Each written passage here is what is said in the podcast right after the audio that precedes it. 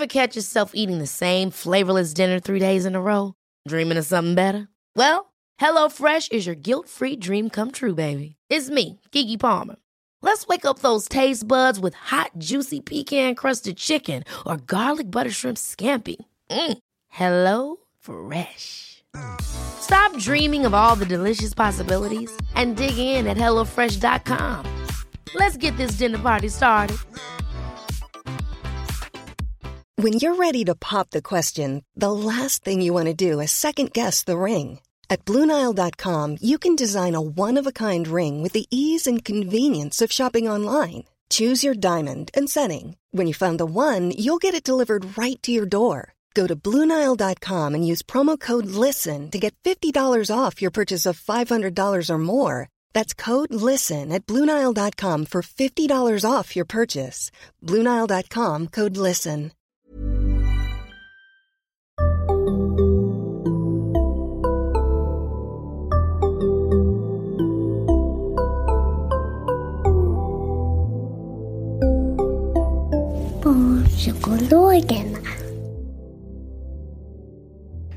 Välkomna till Barnpsykologerna, en podd med Liv Svirsky, Lars Klintvall och idag med Sofia Bilbao. Välkommen!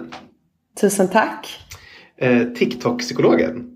Yes, det är Eh, jag. Det är du. Eh, jag, jag är jätteglad att du vill göra den här intervjun för jag tycker det här är ett, ett, ett, det du gör är genialt. Så vi ska prata lite om varför du gör det och vad det är du gör på TikTok. Lite så här, din, dina tankar om TikTok, vad man kan använda det till. Eh, men kan du inte börja med att bara säga vem du är vad heter det, på dagtid när du inte är Batman utklädd på TikTok? Det är du inte, förlåt. Men, Ehm, ja, men Sofia Bilbao heter jag och eh, jobbar i vanliga fall som psykolog inom skolan i en kommun i Skåne. Och sen har jag ju då psykologtipset på TikTok eh, som jag driver då. Eh, det är TikTok-kontot men kan du inte berätta vad, liksom, hur det kom sig att du startade det här kontot? Hur du kom i kontakt med TikTok? Precis som många andra så laddade jag ner TikTok under pandemin. Jag började scrolla och bara ja, oj, wow, alltså den här appen är helt fantastisk tyckte jag. Jag fastnade direkt eh, och tyckte den var väldigt, väldigt rolig, spenderade mycket tid, tid med appen. Ehm, men sen, ehm, efter ett tag, kanske efter någon månad, så såg jag att oj, det finns lite konstig information här också, eller lite felaktig information. Eh, och i och med att jag är intresserad då av psykologi och diagnoser så blev det, jag såg jag ganska snabbt att det var mycket här som inte stämmer. Och i samband med att jag såg det så började jag också följa lite läkare, alltså svenska läkare på TikTok. Eh, lärare, sjuksköterskor, eh, tandläkare tror jag. Så det fanns väldigt många andra yrkesgrupper som också spred information om deras yrken. Um, så jag började direkt tänka, ah, vi- vilken psykolog, eller vilka svenska psykologer har TikTok? Så började jag söka och bara, nej, det finns ingen, eller jag hittar ingen här. Um, så då tänkte jag länge, oj, skulle jag starta detta? Ska jag starta eh, en TikTok? Och sen, nej, det ska jag inte. Och sen, jo, kanske. Så jag velade fram och tillbaka ganska länge eh, om jag skulle göra detta. Och sen så tänkte jag, jag känner ingen på TikTok så ingen behöver få veta. Eh, Så då startade jag ett konto. Så det är kul att jag sen sitter här med typ 50 000 följare sen och tänkte att ingen behöver få veta det. Eh, Så det är nu svårt att vara anonym också Ja. eftersom det är ens ansikte så mycket. Men, men Ja. alltså vadå, så du, det, din motivation från början var liksom det här med att du tyckte att du såg information som spreds som var problematisk, stämmer det? Prec- Precis, alltså mycket, mycket vilseledande information skulle jag nog säga. Som det är kanske en gnutta sanning i. Eh, men i och med att TikTok är en app där det går väldigt fort så hinner man inte riktigt nyansera och problematisera. Och då, då blir det lätt fel. Eller eh, Ja men det blir lätt fel eller felaktigt. Alltså att inte hela posten behöver bli fel men den blir väldigt lätt att misstolka. Så det såg jag mycket av. Och tänkte att nej men här behöver ju faktiskt någon sprida sanningsenlig kunskap. Så det var därför jag startade mitt konto. För att jag, och det är det som är syftet med mitt konto. Att jag vill sprida sanningsenlig information. Och försöka motverka all, all den här felaktiga informationen som faktiskt finns. Förlåt, nu har jag bara utgått ifrån att, det riktar sig, att du riktar dig till barn eller tonåringar. Stämmer det? Nej, alltså det är många barn och tonåringar som har TikTok men absolut inte bara. Eh, det började ju så som en, mer en dansapp för barn men nu, nu finns ju TikTok för alla. om du är intresserad av matlagning eller om du är intresserad av ishockey, alltså vad som helst. Så jag har ganska många eh, föräldrar som ställer frågor men också lärare eller eh, många personer, vuxna personer med olika diagnoser. Ehm, jag vet inte exakt vem som följer mig men jag förstår på frågorna vem de är. Eh, och sen är det många, absolut många tonåringar skulle jag säga, eller unga vuxna som följer mig eller som tittar på mina poster. Men mm. absolut inte bara barn. Hur långa är de här klippen? Hur många sekunder får de vara? Ja, så att det är det som är skärmen och det jobbiga med TikTok. Allt ska gå väldigt fort. Så du måste förmedla din information väldigt snabbt och det är detta som jag tycker är väldigt kul. Att posta ett klipp som inte får vara för långt. De brukar säga max, max en minut. Sen är vissa kortare och eh, jag har gjort någon längre men då blir de inte, inte mycket visningar. Och då är det bara att du tittar in i kameran och pratar? Det är inget, liksom ingen subtitles, det är ingen grafik, det är bara det? Jo, det kan vara bilder och så också som jag klipper in. Men oftast är det bara jag som pratar. Mm. Um, och det är det som jag tycker är så kul med TikTok, eller vara, vara kreatör på TikTok, är att jag måste förstå en diagnos. Om vi säger att jag ska göra en post om autism, säger vi. Då måste jag först förstå diagnosen så pass mycket att jag kan förklara det på mindre än en minut för folk som inte vet vad autism är. Så det är det jag tycker är väldigt utmanande för mig som psykolog. Att hur ska jag formulera den här kunskapen på ett sätt på kort tid så att alla förstår. Um, det är kul och det är jättesvårt ibland för jag har inte jobbat med allting. Alltså jag har inte jobbat så mycket med personlighetsstörningar till exempel. Så när jag får frågor om det behöver jag först läsa på ganska mycket. Och i och med att mitt syfte är att sprida sanningsenlig information dubbelkollar jag ibland min information med en kollega. Och sen gör jag posten och sen försöker jag förmedla den. Så att jag utvecklas väldigt mycket som psykolog eh, i och med att jag har TikTok. För jag tvingas läsa på väldigt mycket. Mm. Såklart. Mm. Mm. Men, men eh, jag, vill, eh, jag vill att du ska prata såklart mer om liksom vad, du, vad du har för content. Men kan du inte säga lite mer om vad liksom det här med... För i min värld så är liksom väl, TikTok väldigt skitsnackat. Det kommer liksom forskningsartiklar som säger så här vi kollade på 100 klipp om ADHD och 90% visade felaktiga grejer. Mm. Att det är väldigt mycket liksom. Och bara när jag hade det jättekort så, så tittade jag på liksom just klipp om diagnoser och det handlade väldigt mm. mycket om självdiagnostisering och yeah. jag har ADHD, autism och hur, vilken diagnos är viktigast för mig. Och jag, tyck, jag som är sån diagnoskritisk skeptiker yeah. tyckte att det var yeah. väldigt problematiskt. Mm. Men jag vet inte, håller du med om att, att det är så dåligt som, som, mm. som folk säger? Ehm, jag tycker att det är för det första väldigt mycket från USA. Ehm, många klipp från USA där man kanske ser lite an annorlunda på ADHD än vad vi gör i Sverige om vi tar just den diagnosen. Så väldigt många klipp kommer därifrån. Och precis som jag sa innan att många är inte så nyanserade. Så precis som du också tänker att de är förenklade. Alltså det kan vara typ eh, om du sitter och skakar med benet på en lektion så har du ADHD. Exakt sånt där ja. Uh, och, och, då tänker vi som psykologer att motorisk orolighet, absolut, det kan vara ett av kriterierna för ADHD eller att det kan vara vanligt. Men det är ju så långt ifrån att det skulle vara lika med ADHD. Utan det finns ju väldigt många andra diagnoskriterier. Så att eh, det finns väldigt mycket sån här snabb information som gärna blir felaktig. Att man då inte nyanserar det. Att det här är bara det här kan vara, men det behöver ju absolut inte betyda att om du sitter och hoppar med benet på lektionen att du har ADHD. Det kan ju Dels kan det bara vara så, men det kan också bero på någonting annat. Och det är det man inte riktigt hinner på TikTok. Um, och sen tänker jag också att ett sätt att få många visningar på TikTok är ju att många ska kunna relatera till det. Och många relaterar ju till det om man känner igen sig. Uh, och därför kan det vara ganska allmängiltiga grejer som tas upp för att folk känner igen sig och då får man många visningar. Förstår du vad jag menar? Mm. För, så för man sprids om ja. folk bara fortsätter titta på det? Eller måste man liksom ja, få likes precis. för att, för att det ska sprida sig? Ja, precis. Jag tänkte att jag skulle komma till det här med, med algoritmen. Nej, berätta, berätta om ja, algoritmen. Okay. Ja, men det som, det som TikTok också får kritik för det är att TikTok är så himla bra på att göra det som TikTok ska göra. Alltså att få oss att stanna kvar på appen. Um, så att TikTok är, förstår ju väldigt snabbt vad jag är intresserad av och de kommer förstå väldigt snabbt vad du är intresserad av. Och då, som jag har förstått det, så tittar TikTok inte så mycket på vad du likar och vad du kommenterar utan de tittar på hur länge du tittar på varje klipp. Så det betyder att du då som är intresserad av psykologi kanske börjar titta på klipp om ADHD. Då kommer de förstå, ah, Lars är intresserad av ADHD och då kommer du få mer och mer av de klippen. För att då kommer du stanna kvar längre på appen. Så, eh, och så här gör ju Snapchat och Facebook och Instagram också, men de är, alltså vad jag tycker, inte alls lika duktiga som TikTok. Och det är därför också som, som man liksom eh, Ja men att det blir så lätt att bara oj, nu jag skulle sitta 10 minuter men nu har jag spenderat en och en halv timme så blir det absolut för mig. Mm. Att, att jag, eh, man lägger snabbt mycket tid för att TikTok vet precis vad jag är intresserad av. Men vad som händer då, det är ju att, eh, och detta har ju TikTok också fått mycket kritik för, att om du har då, vi tar ett exempel att du har en sårbarhet för ätstörning. Eller du kanske har haft en anorexia eller eh, har, en, har en sårbarhet för att utveckla en ätstörning. Om du då börjar titta på ett klipp med träning och sen börjar du titta på ett klipp med hur du tips för att gå ner i vikt eller, eh, eller något sånt. Eh, och sen börjar du titta på matlagning.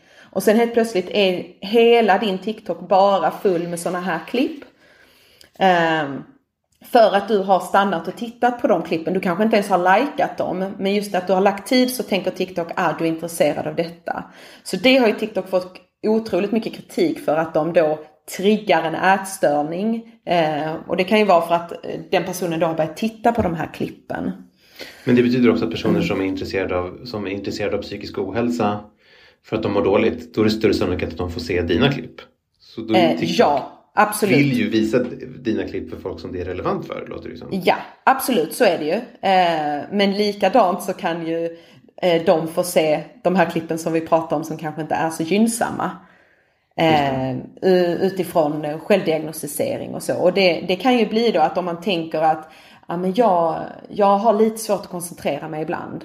Och sen helt plötsligt är hela din for you som det kallas för då, alltså ditt flöde kan man säga, fullt med ja men om det här är tecken på ADHD, det här är tecken på ADHD och då blir det också lätt att ja men jag kanske har det här, detta stämmer in på mig. Mm. För många av de här klippen är väldigt lätt att relatera till även för oss som inte har ADHD. Eller autism då, nu tar jag ADHD som exempel för det är det vanligaste. Mm. Är, det så? är det så? Det är tydligast det som är det vanligaste? Ja det tycker jag absolut. Inte absolut. ångest, depression? Det går i vågor, så detta, detta är också något som jag tycker är viktigt för psykologer eh, att veta, eller folk som jobbar inom sjukvården att veta att det går i vågor och det märks inom psykiatrin. Alltså eh, ett tag var det väldigt poppis med narcissism.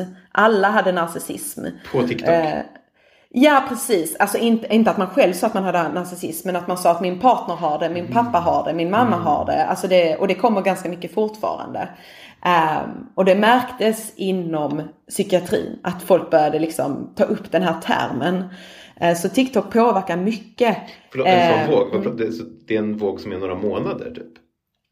Jag tycker den har pågått ganska länge men det kan vara, det kan vara sånt som går i vågor. Alltså ADHD och autism har ju varit väldigt mycket poster om. Um, men även ångest, ja, men, ångest, eh, depression kan också komma lite mer ja, men i vågor där det är väldigt mycket poster om det här. Men nu tänker jag att när du pratar så tänker jag att det är så några få superinflytelserika TikTok-användare som postar de här grejerna. Men det är också random vem som helst tonåring som postar och har liksom fyra likes på sin eller fyra views. Um, många har ju ett tema på deras TikTok. Eh, mm. skulle jag, alltså de som postar. Men det kan, absolut, det kan absolut vara folk som inte har någon utbildning eller eh, som kanske själv har gjort en ADHD-utredning och börjar därför posta om ADHD.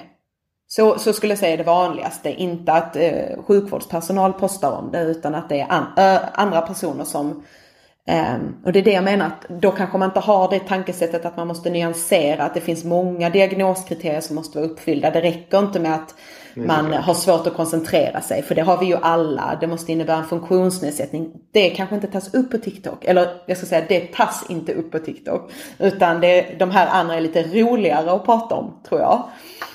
Um, Men det här som du sa innan vi började mm. spela in så var det här med liksom att folk kanske postar typ screenshots från sin journal. Mm. Då är inte det ett konto som bara postar screenshots från sin journal antar jag. Då är det väl det någon Nej. som postar en massa olika saker och det här är en av dem. Precis, det är ju det är ganska så många som postar om att man mår dåligt. Eh, eller är öppen med att må dåligt. Kontot kanske inte bara handlar om det. Men när man är öppen med att man kanske har en kontakt med sjukvården för att man har en ångestproblematik till exempel. Um, och det jag har sett är att um, folk tar screenshots från sin journal och lägger upp det här för olika anledningar. Och jag tänker ibland att det är ganska så destruktivt. Att man kanske skriver Ehm, titta här vad som, skrev i min, som min psykolog skrev i min journal. Eh, att jag har en lägre begåvning till exempel. Ehm, det, det känns inte så, så bra i, för mina, alltså i mina ögon som psykolog. Ehm, men det är också ett sätt kanske att få eh, eh, visningar, få sympati. Um, och det är någonting som jag inte tror alls att vi psykologer är så medvetna om att detta görs. Och det är ju inte bara mot psykologer, det är ju läkare och sjuksköterskor kan det ju också vara.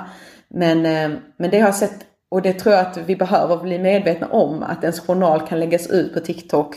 Um, och det kanske inte är så kul som psykolog att, uh, att det händer. Man måste vara väldigt noga med vad man skriver om man tänker att den kommer läsas av hundratusen personer.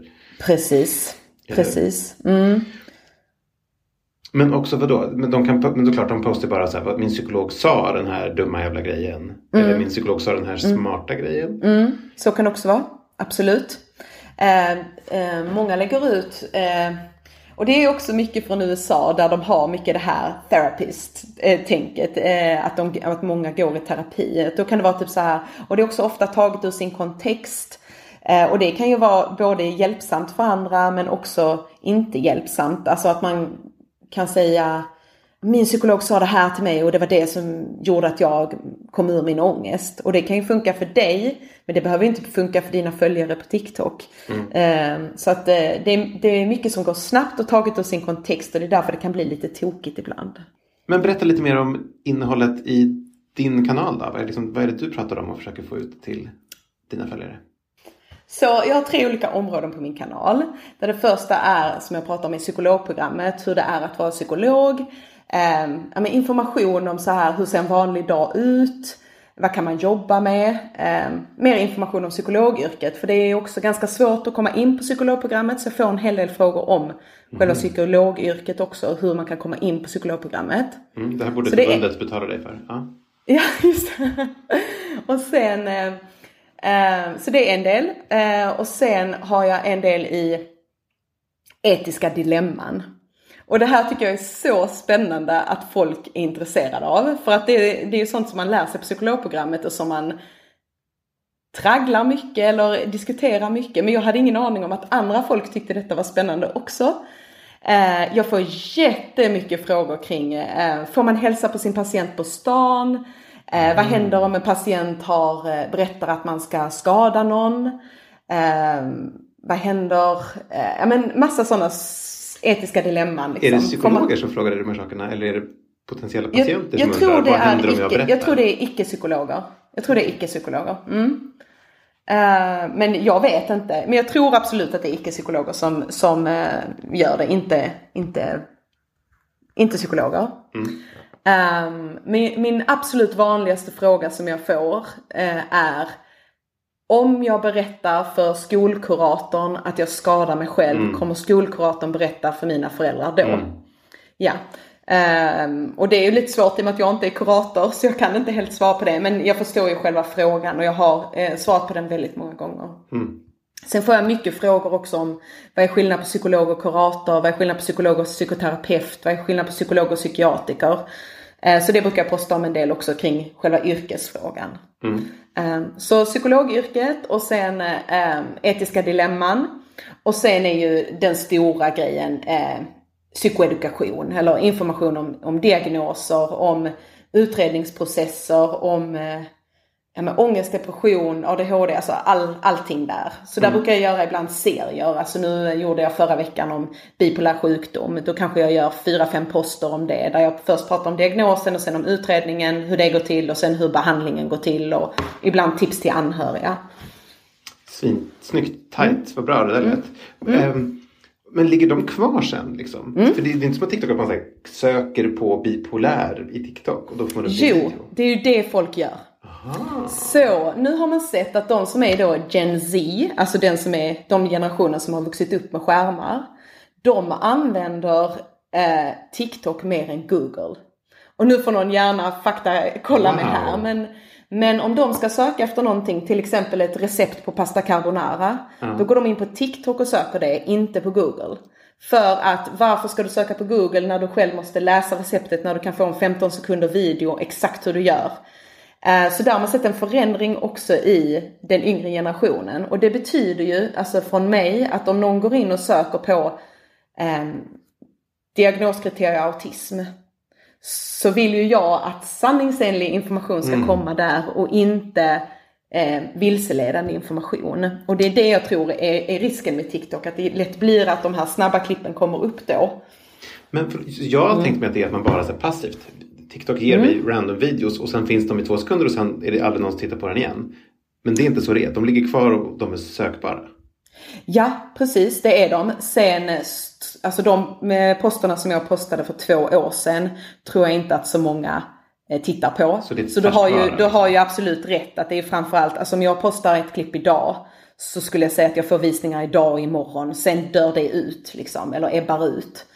Eh, men om någon sen då söker på det eh, så, så kan man absolut komma, kom, kan den informationen komma upp. Men majoriteten är de som tittar när när det läggs upp. Liksom. Ja, ja.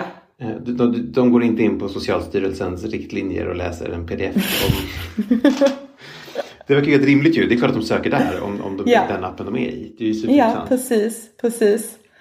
Va- Men kan du liksom berätta mer? Kan liksom, eh, psykoedukation, det här är bi- bipolär sjukdom men det kan du liksom också posta så här tips för att sova bättre. Ja, Sånt liksom. Ja, absolut. Det, det postar jag också. Ehm, jag, post, jag jobbar ganska mycket också för att normalisera. Alltså eh, vad är en del av livet och vad är psykisk ohälsa? När ska man söka sjukvård? Eh, jobbar ganska mycket med att detta är grejer du kan testa innan du eh, kan söka hjälp. Eh, jobbar mycket för de här basbehoven med att äta, sova, träna. Jag försöker informera om det också, att livet går upp och ner. Det är helt, det är helt normalt att vara ledsen ibland. Det, ehm, det jobbar jag också mycket med, men ibland tips till föräldrar eh, kring hur man kan bidra till barns positiva utveckling. Ehm, så att ja, det, det är väldigt lätt för mig att komma på content. Dels att jag får mycket frågor men också att jag kan hitta många ämnen att prata om som jag tycker själv är spännande och spinner vidare på. A lot can happen in three years, like a chatbot may be your new best friend. But what won't change? Needing health insurance. United Healthcare Tri Term Medical Plans, underwritten by Golden Rule Insurance Company, offer flexible, budget friendly coverage that lasts nearly three years in some states. Learn more at uh1.com. Ever catch yourself eating the same flavorless dinner three days in a row? Dreaming of something better? Well, HelloFresh is your guilt-free dream come true, baby. It's me, Kiki Palmer. Let's wake up those taste buds with hot, juicy pecan-crusted chicken or garlic butter shrimp scampi.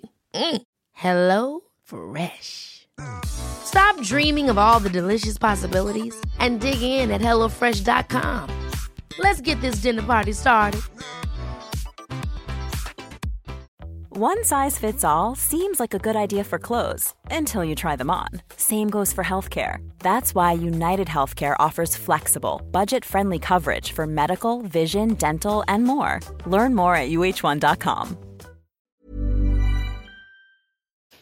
Hur, hur ser den här processen Mm. ut när du liksom kommer på ett ämne och skriver ett manus? Klär du upp dig? Måste man vara nysminkad? Alltså hur sker liksom själva produktionen ut?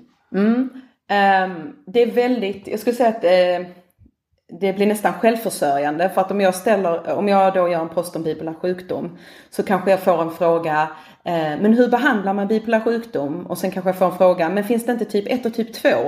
Eh, och då kan jag ju välja att svara på de här frågorna. Och sen kan jag ju få en fråga, kan du även göra en post om schizofreni? Så att det är väldigt lätt för mig att komma på vad jag ska göra i och med att jag får mycket frågor som leder till varandra. Så att jag har en lång lista med ämnen som jag ska ta upp. Och vissa, vissa klipp tar mig fem sekunder att spela in. Alltså till exempel vad är det roligaste med att vara psykolog? Det kan jag ju bara spela in säga någonting som jag tycker är kul med att vara psykolog. Däremot om någon vill att jag ska göra en post om Eh, ja, men till exempel emotionell instabil personlighetsstörning. Då måste jag först kanske prata om personlighet, sen personlighetsstörning och sen emotionell instabil personlighetsstörning. Alltså då blir det ganska mycket större och då behöver jag läsa på så då tar processen mycket, mycket längre tid. Ehm, jag skriver sällan ett manus. Eh, däremot kan jag ha liksom 1177 eller något annat uppe samtidigt. Um, och sen uh, alltså pausar jag och klipper lite grann. Jag spelar in mycket direkt i appen för jag tycker det är lättast. Mm. Um, TikTok ska ju vara lite mer, alltså det ska vara lite mer snabbt och lätt. Så jag känner inte så här att jag behöver eh, fixa till mig eller, eller så innan. Absolut inte. Men däremot så spelar jag ofta in kanske sex klipp åt gången. Och så postar jag det. Mm. För jag postar i stort sett varje dag. Måste man göra det för att liksom i, i bör... alltså man gör ju som man vill eh, såklart. Men i början så sa de att för att lyckas på TikTok måste du posta 3 till 8 klipp om dagen. det har jag aldrig gjort. Men, du, har ett, du har ett riktigt jobb också, eller hur? precis. precis. Ehm, men, eh, men man ska posta mycket och hellre mycket och korta eh, klipp eh, än, än liksom långa. Och det har jag också förstått att det finns ingen, man skulle kunna göra ett klipp om bipolär sjukdom på 10 minuter. Men då är det bättre att göra fem olika poster om bipolär sjukdom som är lite mer eh, korta. Mm. Eh, så, eh, så så brukar jag göra för att effektivisera också för mig själv. Att jag eh, spelar in och sen har jag dem i min utkorg så kan jag posta när det känns läge. Och sen brukar jag också försöka göra dem lättförståeliga och då vill jag gärna lägga till text, kanske något bildstöd. Eh, ibland klipper jag in diagnoskriterier så att jag kan relatera till det. Um, ibland klipper jag in nyhetsartiklar om det är någonting sånt så blir det lite lättare att titta på. Mm. Mm. Men, um, men det här formatet av liksom max en minut långa klipp. Mm. Det är, jag antar att det, liksom har, att det har evolverat fram för att man tänker att det är den attention span som vi, mm. som vi mm. har, eller? Mm. Det är också jättespännande, någonting som TikTok har fått kritik för, att man, alltså man måste leverera så himla snabbt, vilket då, och jag tror man forskar på detta nu, att får man sämre uppmärksamhet för att man vill att eh, informationen ska nå så himla fort. Och det räcker med två, tre sekunder. Om ingenting är intressant så scrollar man vidare. Mm. Så man måste ju fånga publiken direkt. Um, och det är där man brukar säga att du måste ha en, en öppningsfras som får folk att stanna och, mm. uh, och sådana saker. Så att jag vet inte, jag har inte läst forskning kring det men jag kan absolut tänka mig att det ligger någonting i det. Att om du får sådana snabba kickar som TikTok ger eller förstärkningar som, som TikTok ger så, så kan jag verkligen tänka mig att det blir ganska svårt att sen gå in på en mattelektion och hålla koncentrationen där i 50 minuter. Alltså skillnaden blir så gigantiskt stor. Just det. Men mm. så vad det säger är väl att TikTok har höjt ribban för vad som folk ska kräva av informationsförmedling. Mm. Det tror jag absolut. Det tror att, jag absolut. För det du säger är en bra öppningsreplik. Att man ska ja. säga det man ska så, så tight som möjligt. Säg det på en minut om du kan säga det på en minut. Det borde ju alla göra. Det, det har ju alltid varit sant. Bara det att de ja. tvingar en att göra det väldigt noga. Ja precis och då, då gäller det också att man väljer sina ord väldigt noga. Eh, för att, och det hinner man inte alltid göra på en minut. Eh, och det, alltså det här med att nyansera olika Eh, det kan vara så här för vissa personer med autism så hinner du inte riktigt säga utan då får det bara vara, det här är vanligt. alltså det ska vara väldigt snabbt och det, och det är det som jag tror kan bli fel ibland, att man inte riktigt hinner göra de här förklaringarna för att det ska gå så himla snabbt. Men, och att det inte, gör, ger inte så mycket visningar heller om du ska hålla på så å ena sidan och andra sidan. Just, liksom. det, mm. just det. Om man inte kan mm. formulera å ena sidan och andra sidan på ett sätt som är fångande. Liksom. Fångande mm. direkt, ja. Det skulle det väl mm. kunna vara. Jag bara tänker så här, tänker du att det här är liksom den här vägen vi måste gå för att förmedla kunskap till tonåringar? Att så här, om du vill att tonåringar ska lyssna så kommer du behöva bli intresserad av någonting liknande det här. Vi vet väl mm. inte om TikTok finns om fem år mm. men någonting motsvarande. Ja. Eh, ja det tror jag och jag vill också säga att TikTok är en app där jag har lärt mig fantastiskt mycket. Alltså det finns jättemycket städtips. Det finns recept, det finns träningstips, det finns filmtips, boktips. Alltså det finns en jättestor hashtag som heter BookTalk där man eh, tipsar om böcker som är en gigantisk hashtag. Så det finns väldigt mycket god information på TikTok. Så jag tycker inte att vi ska bara fokusera på, på det negativa som det ofta blir. Um, men, men likadant så, så behöver det finnas mycket sanningsenlig information om eh, psykologi, om diagnoser och det, jag, jag ser ett stort kunskapsglapp där för att man får lov att prata om detta utan att ha någon utbildning såklart. Eh, men jag ser att det lätt blir fel. Lika lätt kan jag säga att det blir fel med träning och kost till exempel. Att det blir mycket vilseledande information i sådana såna ämnen också. Så det är såklart inte bara psykolo psykologi där det blir tokigt. Men, men det är ju mitt område, det är därför jag pratar om det. Men, men och det, du, det, du, det du gör är ju mm. till skillnad från alla andra som gnäller på det och säger att det är mm. hemskt med TikTok och att det sprider mm. felaktig information. Att istället faktiskt göra någonting åt det och se till mm. så att det också finns bra information. Jättebra Sofia. Innan vi slutar, vill du liksom, om man inte är en ungdom själv, man är liksom en förälder som har kontakt med ungdomar. Kan du liksom avslutningsvis bara ge något tips på hur man ska tänka kring barns användande av TikTok? Mm. Absolut. Jag tycker ju att man som vuxen ska ladda ner appen för att bara få en bild. Är det det här med danser eller vad, vad finns det på denna appen? Eh, så att man får lite kunskap kring det själv. Sen behöver man inte spendera massa tid på det. Men jag tror att det är bra att ha appen. Eh, och har man barn eller jobbar med barn så tycker jag också det är jättebra att fråga eh, barnen, men vad gör du där? Alltså postar du själv? För det tänker jag att man som förälder kanske vill veta att mitt barn postar på TikTok som kan nå ut till flera miljoner.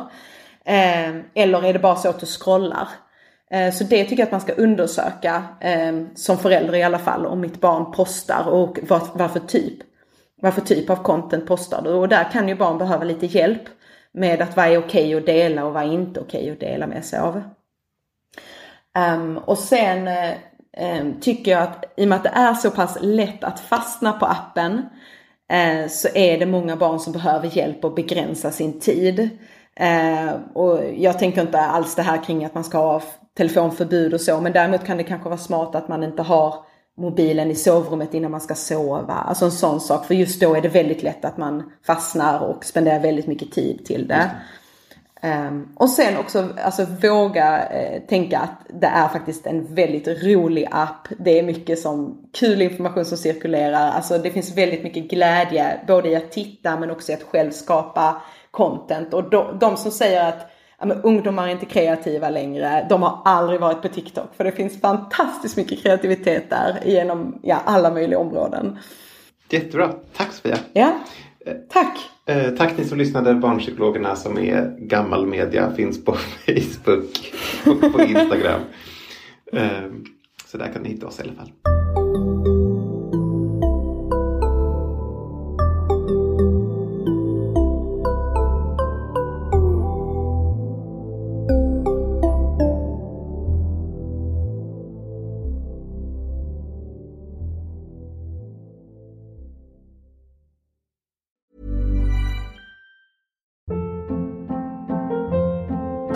Hold up. What was that? Boring. No flavor. That was as bad as those leftovers you ate all week. Kiki Palmer here, and it's time to say hello to something fresh and guilt-free. Hello Fresh. Jazz up dinner with pecan-crusted chicken or garlic butter shrimp scampi. Now that's music to my mouth. Hello Fresh. Let's get this dinner party started. Discover all the delicious possibilities at hellofresh.com. Imagine the softest sheets you've ever felt. Now imagine them getting even softer over time. That's what you'll feel with Bowl and Branch's organic cotton sheets. In a recent customer survey, 96% replied that Bowl and Branch sheets get softer with every wash. Start getting your best night's sleep in these sheets that get softer and softer for years to come. Try their sheets with a 30-night guarantee. Plus, get 15% off your first order at bowlandbranch.com. Code BUTTERY. Exclusions apply. See site for details.